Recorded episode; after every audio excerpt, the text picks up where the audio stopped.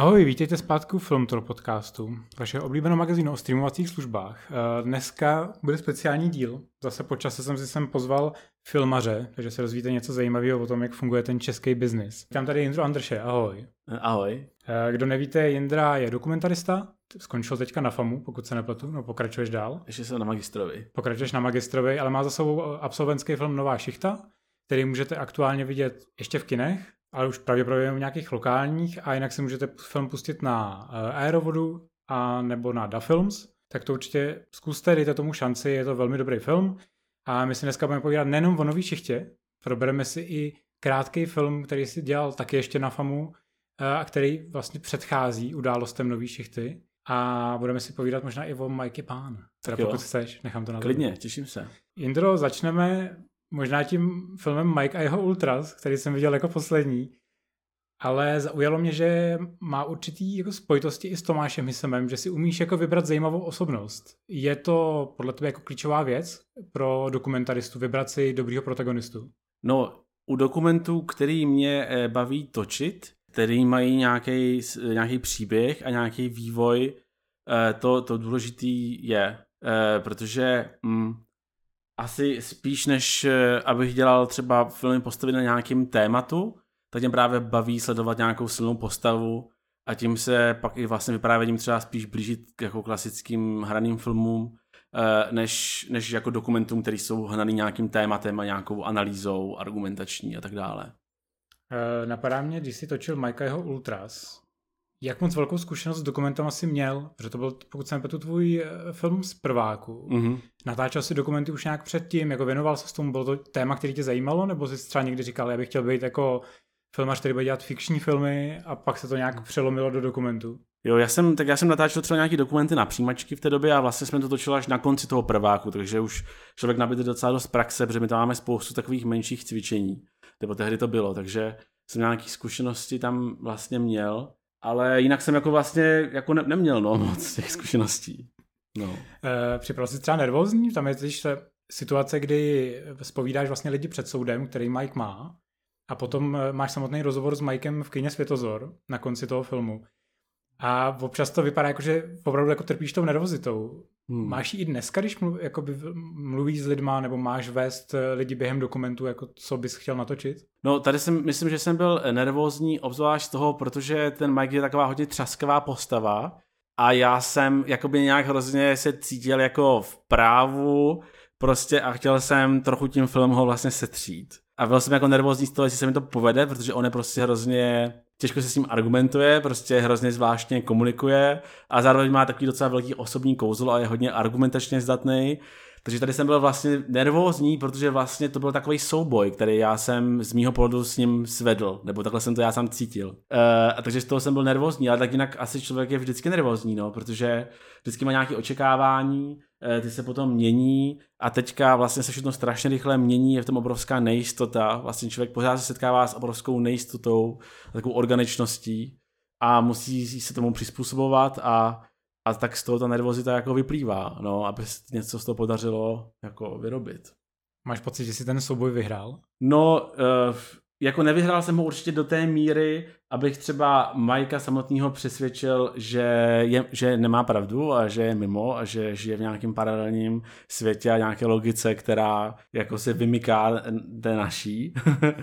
Ale možná jsem jako z mého pohledu jsem to vlastně trochu možná vyhrál v tom, že ten film vidělo fakt hodně lidí, že vlastně doteď na YouTube ho snad zhlídlo 800 tisíc lidí e, a já jsem to hlavně cítil na tu mladší generaci, e, takže třeba jako já jsem měl ze dobrý pocit, když potom můj mladší brácha šel druhý den do školy, když to vyšlo a tam mu prostě kluci řekli, že ten Mike je teda fakt debil, jako, jako až ten brácha to dobře ukázal. takže to pro mě bylo velký uspokojení. Eh, je pro tebe jako dokumentaristu klíčový tam do toho filmu dostat nějaký svůj názor? Nebo teďka se třeba v nový šichtě vlastně ten názor nějaký zastáváš výrazný, nebo si vlastně nechal tu situaci plynout a říkal si, ne, uvidíme jenom kam se to dostane? Tak eh, v té nový šichtě jako člověk vždycky asi má nějaký postoj a nějaký pohled na to, co se děje. Dle toho prostě to záběruje, pak to stříhá a, a ten názor, i když tam není takhle úplně explicitní, jako je třeba v tom Magie Pánovi, tak si myslím, že v té nový šichtě jako je taky, nebo jsem se o to snažil. Já se k tomu právě chtěl dostat, protože jsem koukal na poslední šichtu Tomáše Jisema, což je ten krátký film, který si dělal na FAMu předtím, než se rozhodl, že budeš dělat novou šichtu. Tak to je vlastně záznam víceméně na GoPro kameru, který je poslední den, jak to vypadá v dole a jak to tam probíhá. Mm-hmm. Takže tam vlastně žádná nějaký jako sociální komentář se nedostal, nebo dostal podle tebe? No, e, ta poslední šita z mého pohledu byla vlastně taková jako imprese té práce. Mm-hmm. E, jako to potom může záleží, co si z toho podle někdo vezme. Jo. No, jako ten sociální komentář to může být, že potom třeba člověk víc chápe, proč ho horníci prostě e, volí prostě třeba politické strany, jako jsou SPD, protože když vidí z mého pohledu, jak se tam takhle jako zničej, každý den tak jako jim to může ubírat zase jako v jiných sférách, třeba mentálních. Pro mě to byl právě hrozně zajímavý jako prequel k té mm. nové šichtě, Uh, protože ti to přesně dalo ten, to společenský pozadí, který už potom vidíš jenom po té situaci, co jsou ty doly v OKD zavřený. Hmm. Takže zajímavé jako vidět ten pohled, jak vypadaly ty poslední dny a přišlo mi fascinující, že navzdory tomu, že to byly poslední dny, tak oni furt makali. Já bych třeba nemakal poslední dny v dole. Jo, to bylo strašně absurdní, no. My jsme tomu tak jako nevěřili, jsme to poprvé viděli, uh, že prostě ten důl se, že druhý den zavíral a oni stejně jako obrovské množství jako energie investovali do toho, aby se začalo ještě těžit. To prostě bylo úplně absurdní, jako. A říkali jsme si, že, jako, že z nějaké setrvačnosti a nějaké stavovské cti stejně takhle jako pracovali, jako, že to nám přišlo fascinující. Já jsem si právě říkal, to se musí být fake, to musí natáčet třeba půl roku předtím, než to zavírali, protože to nedává vůbec smysl. A oni opravdu s tím zanícením dolovali. A jinak tady ten film je taky na YouTube ke zhlednutí už. Je to tak, můžu to potvrdit.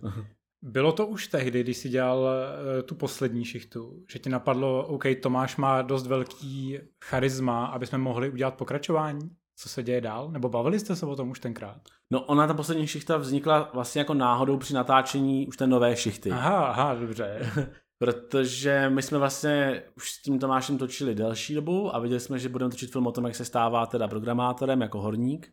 My jsme se nedostali vlastně s kamerou pod zem, eh, protože nás tam nechtěli pustit, protože to bylo příliš nebezpečný a tak poslední týden na horníci byli nervózní a tak.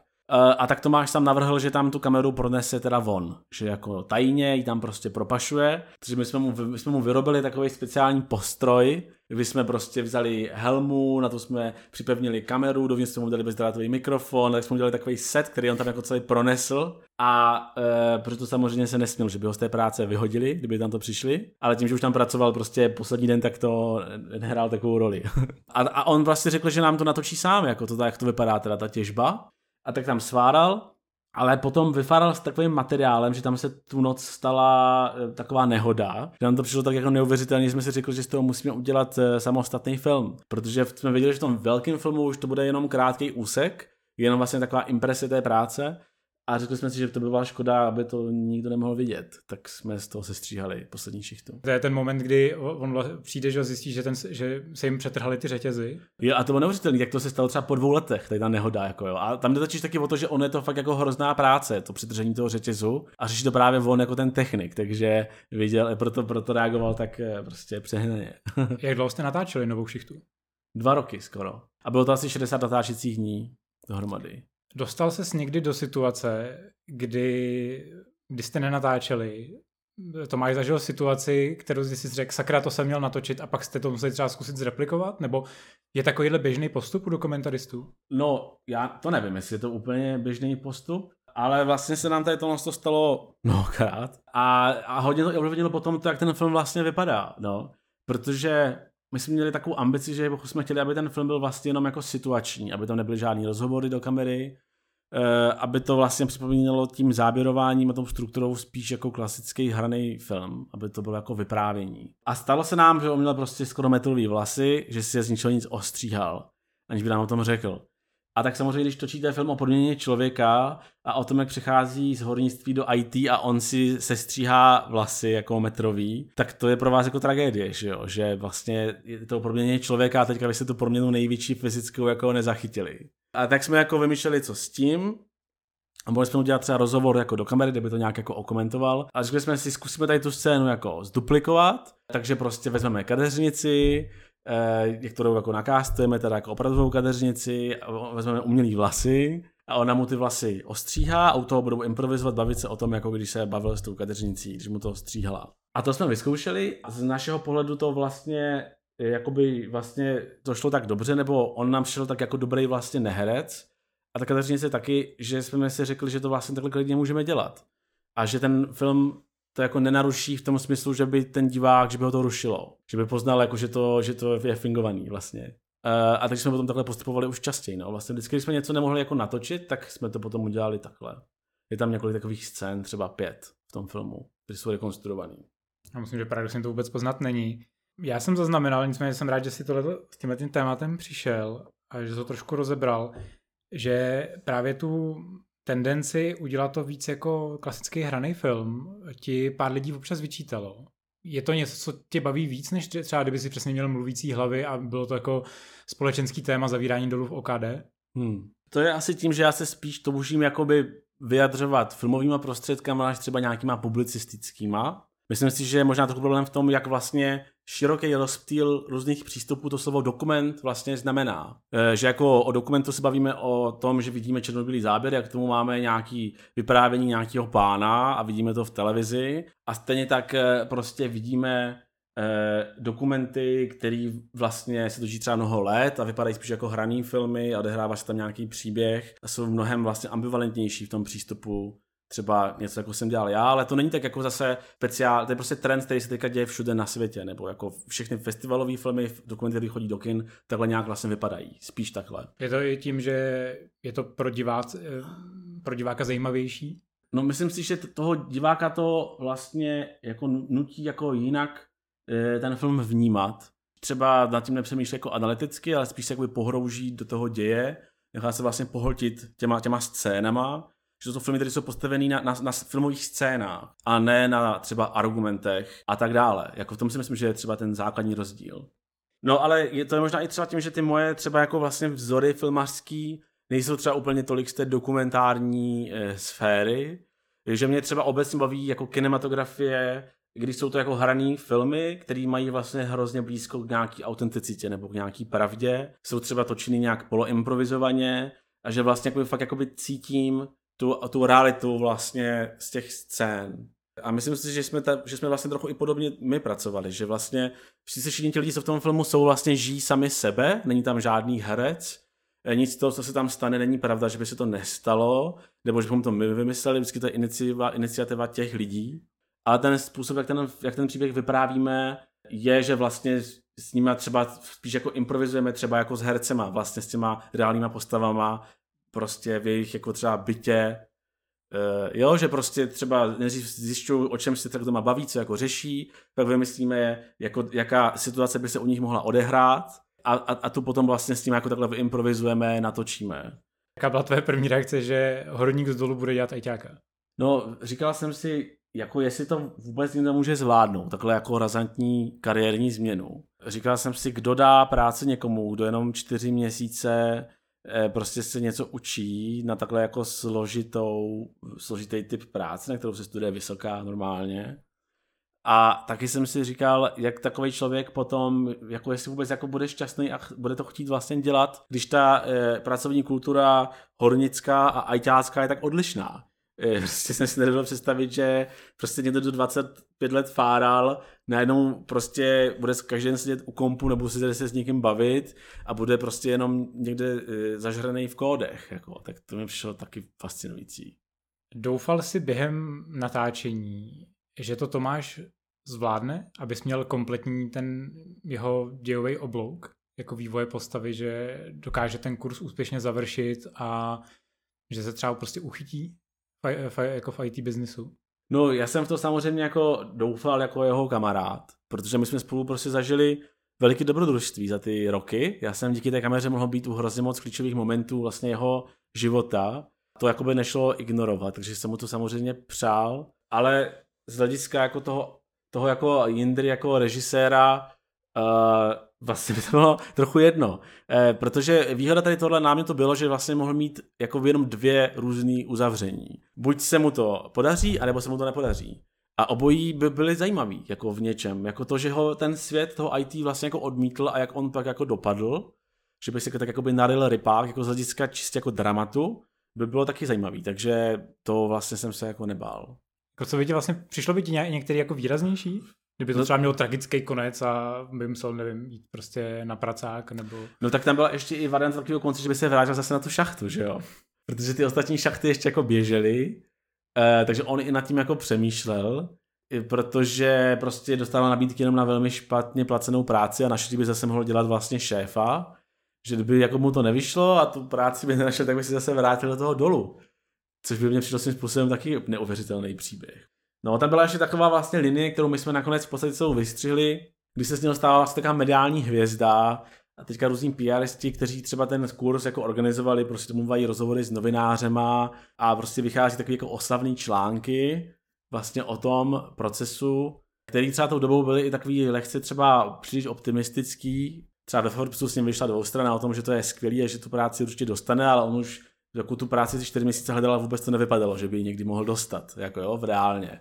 To bychom třeba tam vlastně jako zakcentovali, vlastně, že to by byl takový ten jako pokus vstoupit do tohohle světa, který ho ale jako odmítl a pak bychom se zase mohli ptát, proč se to jako nepodařilo. Takže to by, to by, to by mi přišlo taky zajímavý. Tohle je tam vlastně pozůstatek trošičku v podobě toho tetolku, který tam Tomáš má. No, myslím si, že jo. A, a tak i v podstatě třeba toho, jak pořád s ním, je tam myslím několik reportáží v televizi český, že jo, jak se na to dívají s těma kamarádama v té hospodě a tak. Zásadní no. otázka. Natáčíš novou šichtu 2 ještě pořád? Že? ne, na to se mi spoustu lidí ptá, no, ale nenat, nenatáčím. nenatáčím, uh, protože už jako jsem s tím filmem strávil hodně času a hlavně si myslím, že to hlavní drama už se teda jako odehrálo. Jako ono, jako myslím si, že nejtěžší paradox na tom filmu bylo točit ty ajťáky, jako, protože vlastně to prostředí je tak jako něčím statický a abstraktní, že je strašně těžký jako natočit tam vlastně cokoliv zajímavého. Takže toto bych se vůbec nechtěl pouštět, prostě jako v dokumentu. Ale třeba přemýšlím, myslím si, že třeba Tomáš je fakt skvělý herec, jako někdy spíš, že bych ho třeba obsadil nějaké role jako v nějakým hraném filmu. Když jsem říkal, nejenom v rámci naší redakce, ale i v okruhu kamarádů, že s toho budu dělat rozhovor, hmm. tak všichni měli stejný dotaz. Říkali, zeptej se, jak se dělá scénář dokumentu. Protože jo. se ukázalo, že vlastně nikdo nemá moc představu, jak jako dokumentarista pracuje. Že jako mm. víš, že prostě u hraňáku potřebuješ mít scénář a začneš prostě námětem a loglinou, ale jak je to u dokumentu? Je to vlastně podobný proces? Nebo do jaký míry můžeš jako dokumentarista si udělat nějakou kostru, na kterou potom nabaluješ další věci v rámci toho vývoje natáčení? Já si myslím, že to v je hodně podobný proces, ale samozřejmě podle mě hodně záleží, eh, jako jaký typ dokumentu točíte že prostě třeba, když točíte v české televizi prostě půlhodinový dokument nějaký, tak na to máte třeba čtyři natáčecí dny. A jde o to, kolik minut výsledné stopáže musíte na ten, za ten den natočit. A to úplně jako razantně vlastně ovlivňuje jako ten přístup. K jakým, k jakým musíte přistupit. Když prostě musíte natočit 8 minut denně, musíte tam dát mluvící hlavy, protože jinak to nemáte šanci nabrat. A pak ten scénář je spíš takový jakože o tematický, než situační ale my jsme vlastně točili 60 dní, že jo, takže jsme třeba vlastně z každého dne museli použít v podstatě tam třeba minutu 20 do výsledného filmu, takže jsme si mohli dovolit mnohem víc riskovat, mnohem víc toho vystřihnout. Eh, a i tak eh, vlastně potom vypadala trochu ta příprava, že my jsme tam třeba jeli třeba třikrát nebo dvakrát bez kamery, jenom se s těma lidmi jako potkat. A většinou u tohohle typu filmů vždycky to začíná rešerší, že eh, člověk s těma lidmi stráví nějaký čas, a vlastně si dělá takový jako průzkum, eh, vlastně třeba jak vypadá jejich klasický den, jak vypadá jejich klasický týden, jak vypadá jejich klasický rok. Eh, a na tohle se detailně je vyptá. Eh, jo, to, to mě třeba naučil Honza Gogola, jako skvělý dramaturg český. A potom vlastně jdete, jak, jaký, jako, jaký lidi v té rodině žijou, prostě co oni zažívají. A takhle vlastně se jich jakoby detailně vyptáte a z toho vlastně vám přijde takový jako vějíř scén, který je možný natočit.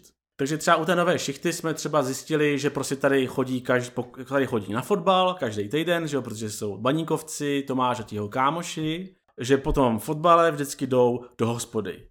Tak jsme si hnedka řekli, tak to jsou dvě filmové scény, jdou spolu na fotbal, pak jdou do hospody. A teďka, co v té hospodě, se mohli bavit o něčem teda, co pro ten, pro ten film a jeho příběh je důležitý. Třeba o tom, že končí na té šachtě, což je úplně možný. Oni se tom normálně baví, tak teďka jsme jenom o to poprosili, aby se o tom bavili před náma, že jsme tam teda pustili tu reportáž. Jo, ale a takhle jsme si v podstatě třeba hned na začátku, jsem si takhle naplánoval třeba 30 scén a celou vlastně tu základní kostru jsem vymyslel už na začátku. Jakože jsem si jako vyfabuloval ty situace, které by se mohly stát a abych je mohl natočit. A ono potom samozřejmě se to mění a, a člověk to vlastně neustále musí přizpůsobovat tomu, co se děje.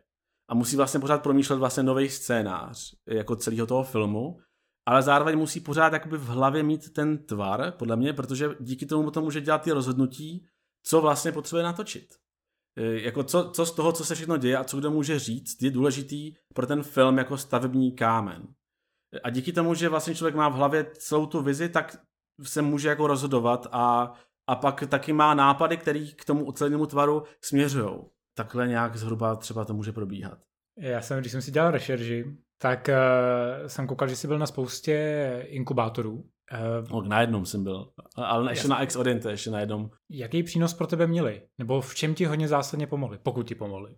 Určitě mi hodně pomohli v tom, že nám dali uh, zpětnou vazbu, v tom, jako jak ten film působí na diváka. Protože to byla i naše taková ambice, třeba se střihačem Lukášem Maníčíkem, že chceme udělat film, který bude hodně divácky vstřícný. Protože nám přišlo, že vlastně ten Tomáš jako hrdina je takový jako univerzální, že by prostě si ten jeho příběh mohl líbit hodně lidem. A prostě ten divák byl pro nás důležitý partner, aby tomu filmu rozuměl, eh, aby ho zajímal. Právě na tom Dok Inkubátoru to třeba fungovalo tak, že jsme měli třeba čtyři testovací projekce, po kterých nám vlastně každý z těch diváků vyplnil takový dotazník, kde se ztrácel, čemu nerozuměl. A potom jsme mohli ještě pokládat jako vlastně otázky, jestli třeba porozuměli, proč tam ta ta scéna, co, co v té scéně jako viděli. Jo, protože člověk vlastně, když ten film stříhá, tak je totálně vlastně zaseknutý eh, v takovém jakoby teoretickém rámci, jak by co mělo fungovat.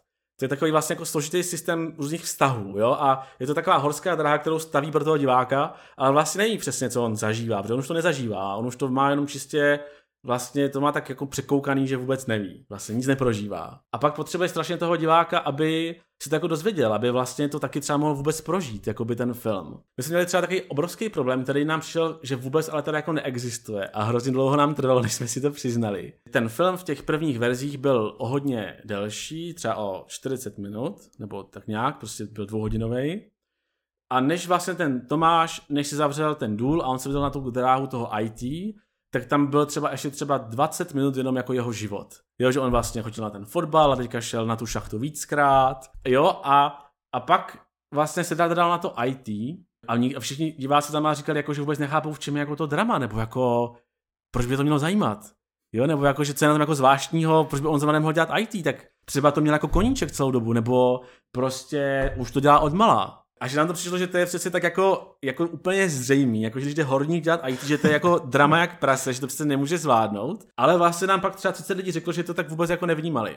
Že si řekli třeba, že to studoval na střední, nebo že vůbec neví, jak je těžký IT, jak je o toho hornictví odlišný, prostě když člověk jako nemá ty zkušenosti, tak nás úplně překvapilo, že vlastně to na ty lidi jako nefunguje, že v tom necítí jako vlastně drama nebo zápletku. A takže jsme museli dotočit scénu, eh, kde vlastně ten jeho nejlepší kamarád mu říká, že prostě to nikdy nedělal a že to je úplná utopie, že to prostě nemůže zvládnout, do čeho se pouští. Jo, a až pak to vlastně začalo fungovat, protože vlastně ten divák taky najednou chápal, že vlastně to fakt jako by nikdy nedělal, že to je něco strašně těžkého, hmm. jako a takže to nás třeba úplně překvapilo vlastně, že jako, tak to, to, jsme, to, jsme třeba, to byl třeba velký posun, jako, na který nás to navedlo. Zajímá mě, jestli jsi se dostal do momentu, když jste stříhali, když jste točili, že jsi řekl, ty vole, já nevím, co s tím. No, tak takových, to se stává jako pravidelně, no, podle mě. E, jakoby třeba i protože, prostě když vlastně čelíte třeba s, s Tomášem nebo s reálnou postavou, tak prostě vždycky jako hrozně čelíte tomu, jakože třeba kdykoliv s tím natáčením může on jako přestat, jo.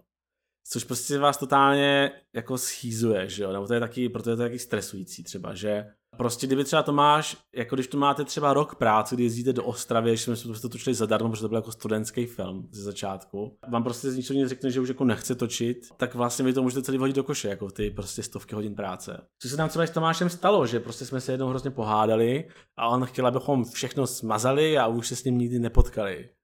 A to bylo v podstatě na konci toho natáčení, jo, takže... Co jsme provedl? No prostě byl jsem příliš urputný a to bylo, když už byl vlastně ajťák a zároveň, zároveň byl pořád trochu horník, nebo to on je vlastně pořád takhle, jo. E, ale já jsem hrozně chtěl natočit jako druhou scénu na fotbale. A baníkovci hrozně nemají rádi média, protože je často vykreslujou prostě negativně nebo jinak, než oni si přejí.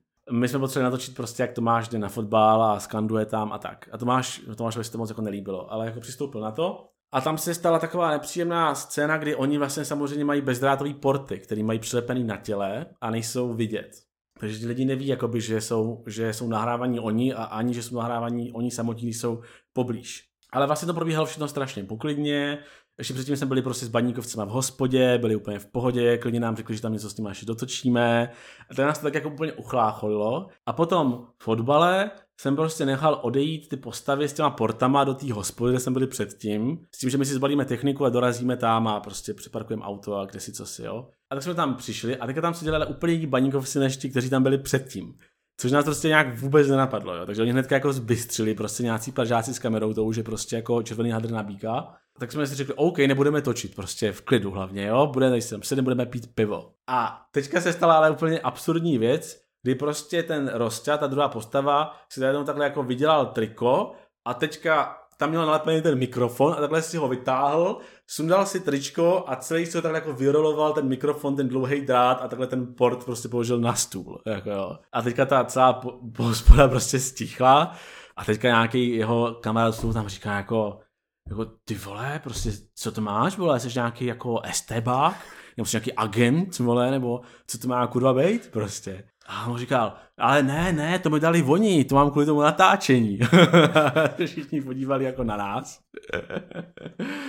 a oni prostě se hrozně naštvali, protože řekli, že jo, a vy jste nás jako celou dobu jako nahrávali a my jsme o tom jako nevěděli.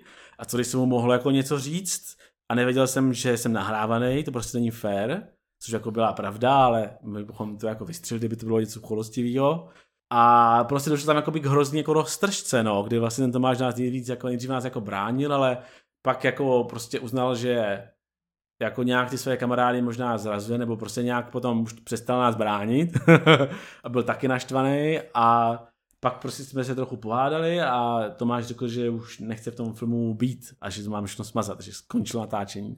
Jestli mě zaujala uh, nějaká scéna v tom filmu, tak to byl vlastně trošičku ta pointa, nebo ten závěr, kdy Tomáš už je teda naplno ajťák, nebo spíš on jako takový IT trainee, že byl na té nižší pozici. Přišlo mi to jako zajímavá ironie osudu, že dolování jako v dole vyměnil za dolování kódu. Byl to podobný? Jak jsi řekl, to je vlastně srandovní, že vlastně IT obor je trošičku vzdálený tomu, co si představujeme za prací v dole, ale ve výsledku to vlastně je stejná denní rutina, kterou on měl jako horník já třeba tam vidím takovou paralelu, kterou tam myslím vidí i Tomáš, a to, a to je to, co ho na obou těch profesích ho bavilo a baví. To je to, že ta práce je každý den vlastně úplně jiná.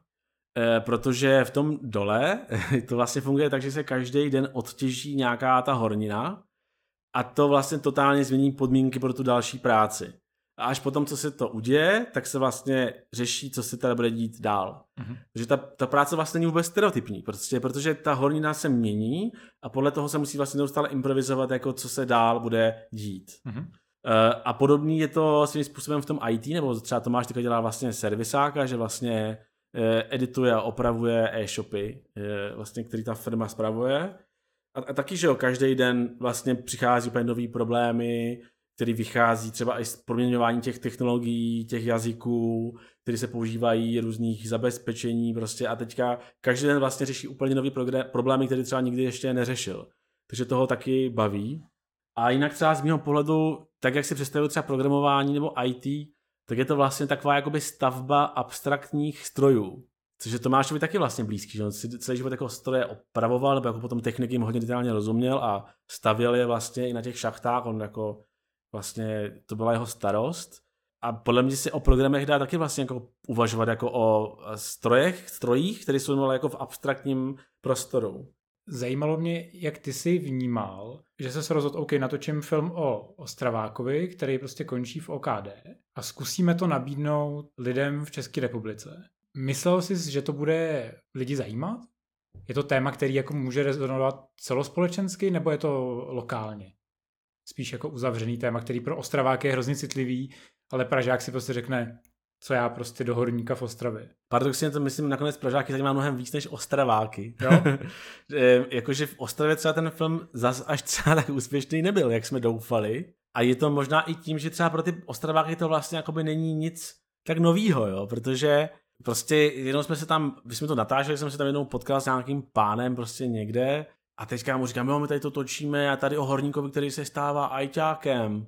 A on jako, jo, a no a co, jako, nebo a co, co to bude dál, jako. A já jsem říkal, no tady o tom ne, to je přeci úplně neuvěřitelný. To je právě, že pokaždé, když jsi někomu pičoval ten nápad, že řekli, to je normální. No právě. A oni říkali, ty a víš co, tady se každý musí ale přeučit z horníka na něco jiného. Já znám třeba horníka právníkem, víš co, nebo horníka doktorem, jako to tady nikoho prostě nezvedne ze židle, víš co.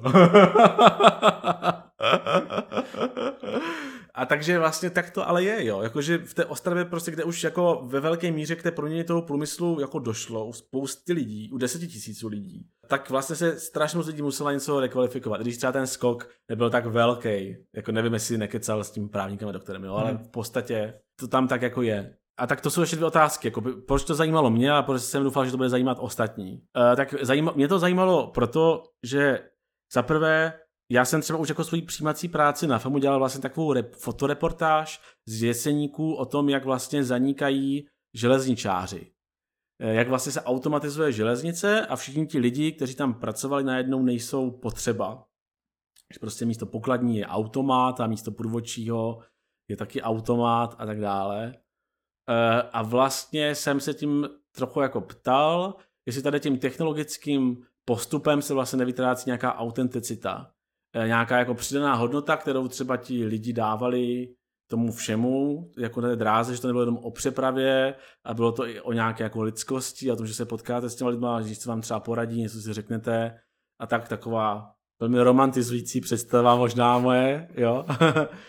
a tohle to bylo vlastně něco podobného. E, taky mě vlastně jako zajímalo, protože já jsem ještě předtím byl, předtím byl na Erasmu, kde jsem bydlel s takovýma businessmenama na pokoji, e, kteří právě pracovali v McKenzie, tady v těch jako obrovských firmách, kde je úplně brutální firmní kultura, prostě jako taková strašně odosobněná, chladná, prostě extrémně na výkon, jako e, orientovaná.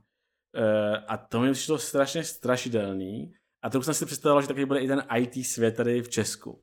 A vlastně mě jako hrozně zajímalo, jak někdo, kdo prostě pracuje jako podzemí, kde je tma, takže se ti lidi nevidí a můžou být s něčem svobodnější, třeba prostě na sebe jenom pokřikujou a musí, jsou k sobě třeba upřímní a tak, tak jak to takový vlastně uspěje v takové úplně jako jiné kultuře, co mu to vlastně jako vezme, než spíš třeba co mu to dá. Takže to, to mě zajímalo. Zajímá mě to doteď. No. Myslím si, že, jako, že to je velká jako celospolečenská výzva vlastně, abychom nějakým vnitřním rozvojem doháněli ten technologický rozvoj. Když to mám teďka takhle úplně zafilozofovat si. E... Máš úplně volný působiště. Eh, že to je hrozně těžký, jako vlastně tomu dostat. A, a myslím si, že to máš velký štěstí, že třeba skončil ve firmě, kde ta firmní kultura je taková hodně vstřícná. Ono to v tom filmu nakonec tam nedostalo, oni tam prostě třeba já nevím, to je takový, takový, takový jako trochu horníci ajťáci, že třeba oni, každý, oni oslavují narozeniny všech v té firmě a vždycky se dají ráno panáka a v té firmě pracuje třeba 200 lidí, jo. takže si každý den skoro třeba dávají ráno panáka před začátkem té směny prostě, jo. E, a je tam taková hodně jako neformální atmosféra, prostě to celá taková jako nekorektní, to Tomášovi prostě vyhovuje a že se tam jako cítí fakt dobře, může tam být sám sebou a všichni ho tam jako berou. Ale takhle by to nemuselo být, že jo. Firmy mají různé kultury a to jsem třeba pochopil, že jsou třeba úplně v jádru odlišný často. A proto i ten konec jsem třeba chtěl nechat takhle otevřený, že vlastně to není jako nějaký 100% happy end, že prostě, protože to máš teď jako nová výzva, vlastně tím, že začal žít tady ten nový život. Hmm že to, před, že to přináší nový problémy, to, že je najednou ajťák, který bude muset jakoby vyřešit. E, ať už je to třeba, že mu chřadne tělo, když prostě pořád sedí na té židli, že ho bolej záda, že má, možná má víc zdravotních problémů paradoxně, než dělal na šachtě, jako jo, z různých hledisek, jako a tak dále. Zároveň se ty technologie vyvíjejí a on samozřejmě nemládne, takže těší se staršímu člověku přizpůsobovat těm novým technologiím a podobně. Což bylo to, proč jsem i jako obdivoval během toho filmu na něm, že to vlastně nevzdal. Jako spousta ostatních to vzdávalo. Hmm. Ale já si myslím, že to je právě trochu třeba právě takový předsudek, který máme my mladší vůči starším i, že člověk e, jakoby se třeba pomalej učí. Ale já už taky nechápu TikTok. Jo. Jako, jako, jsou už věci, které taky jako pomalu nechápu, takže se s tím dokážu docela dobře stotožnit. No to jo, tak to je spíš víc jako kulturní, ale ne podle mě jako vědomostní.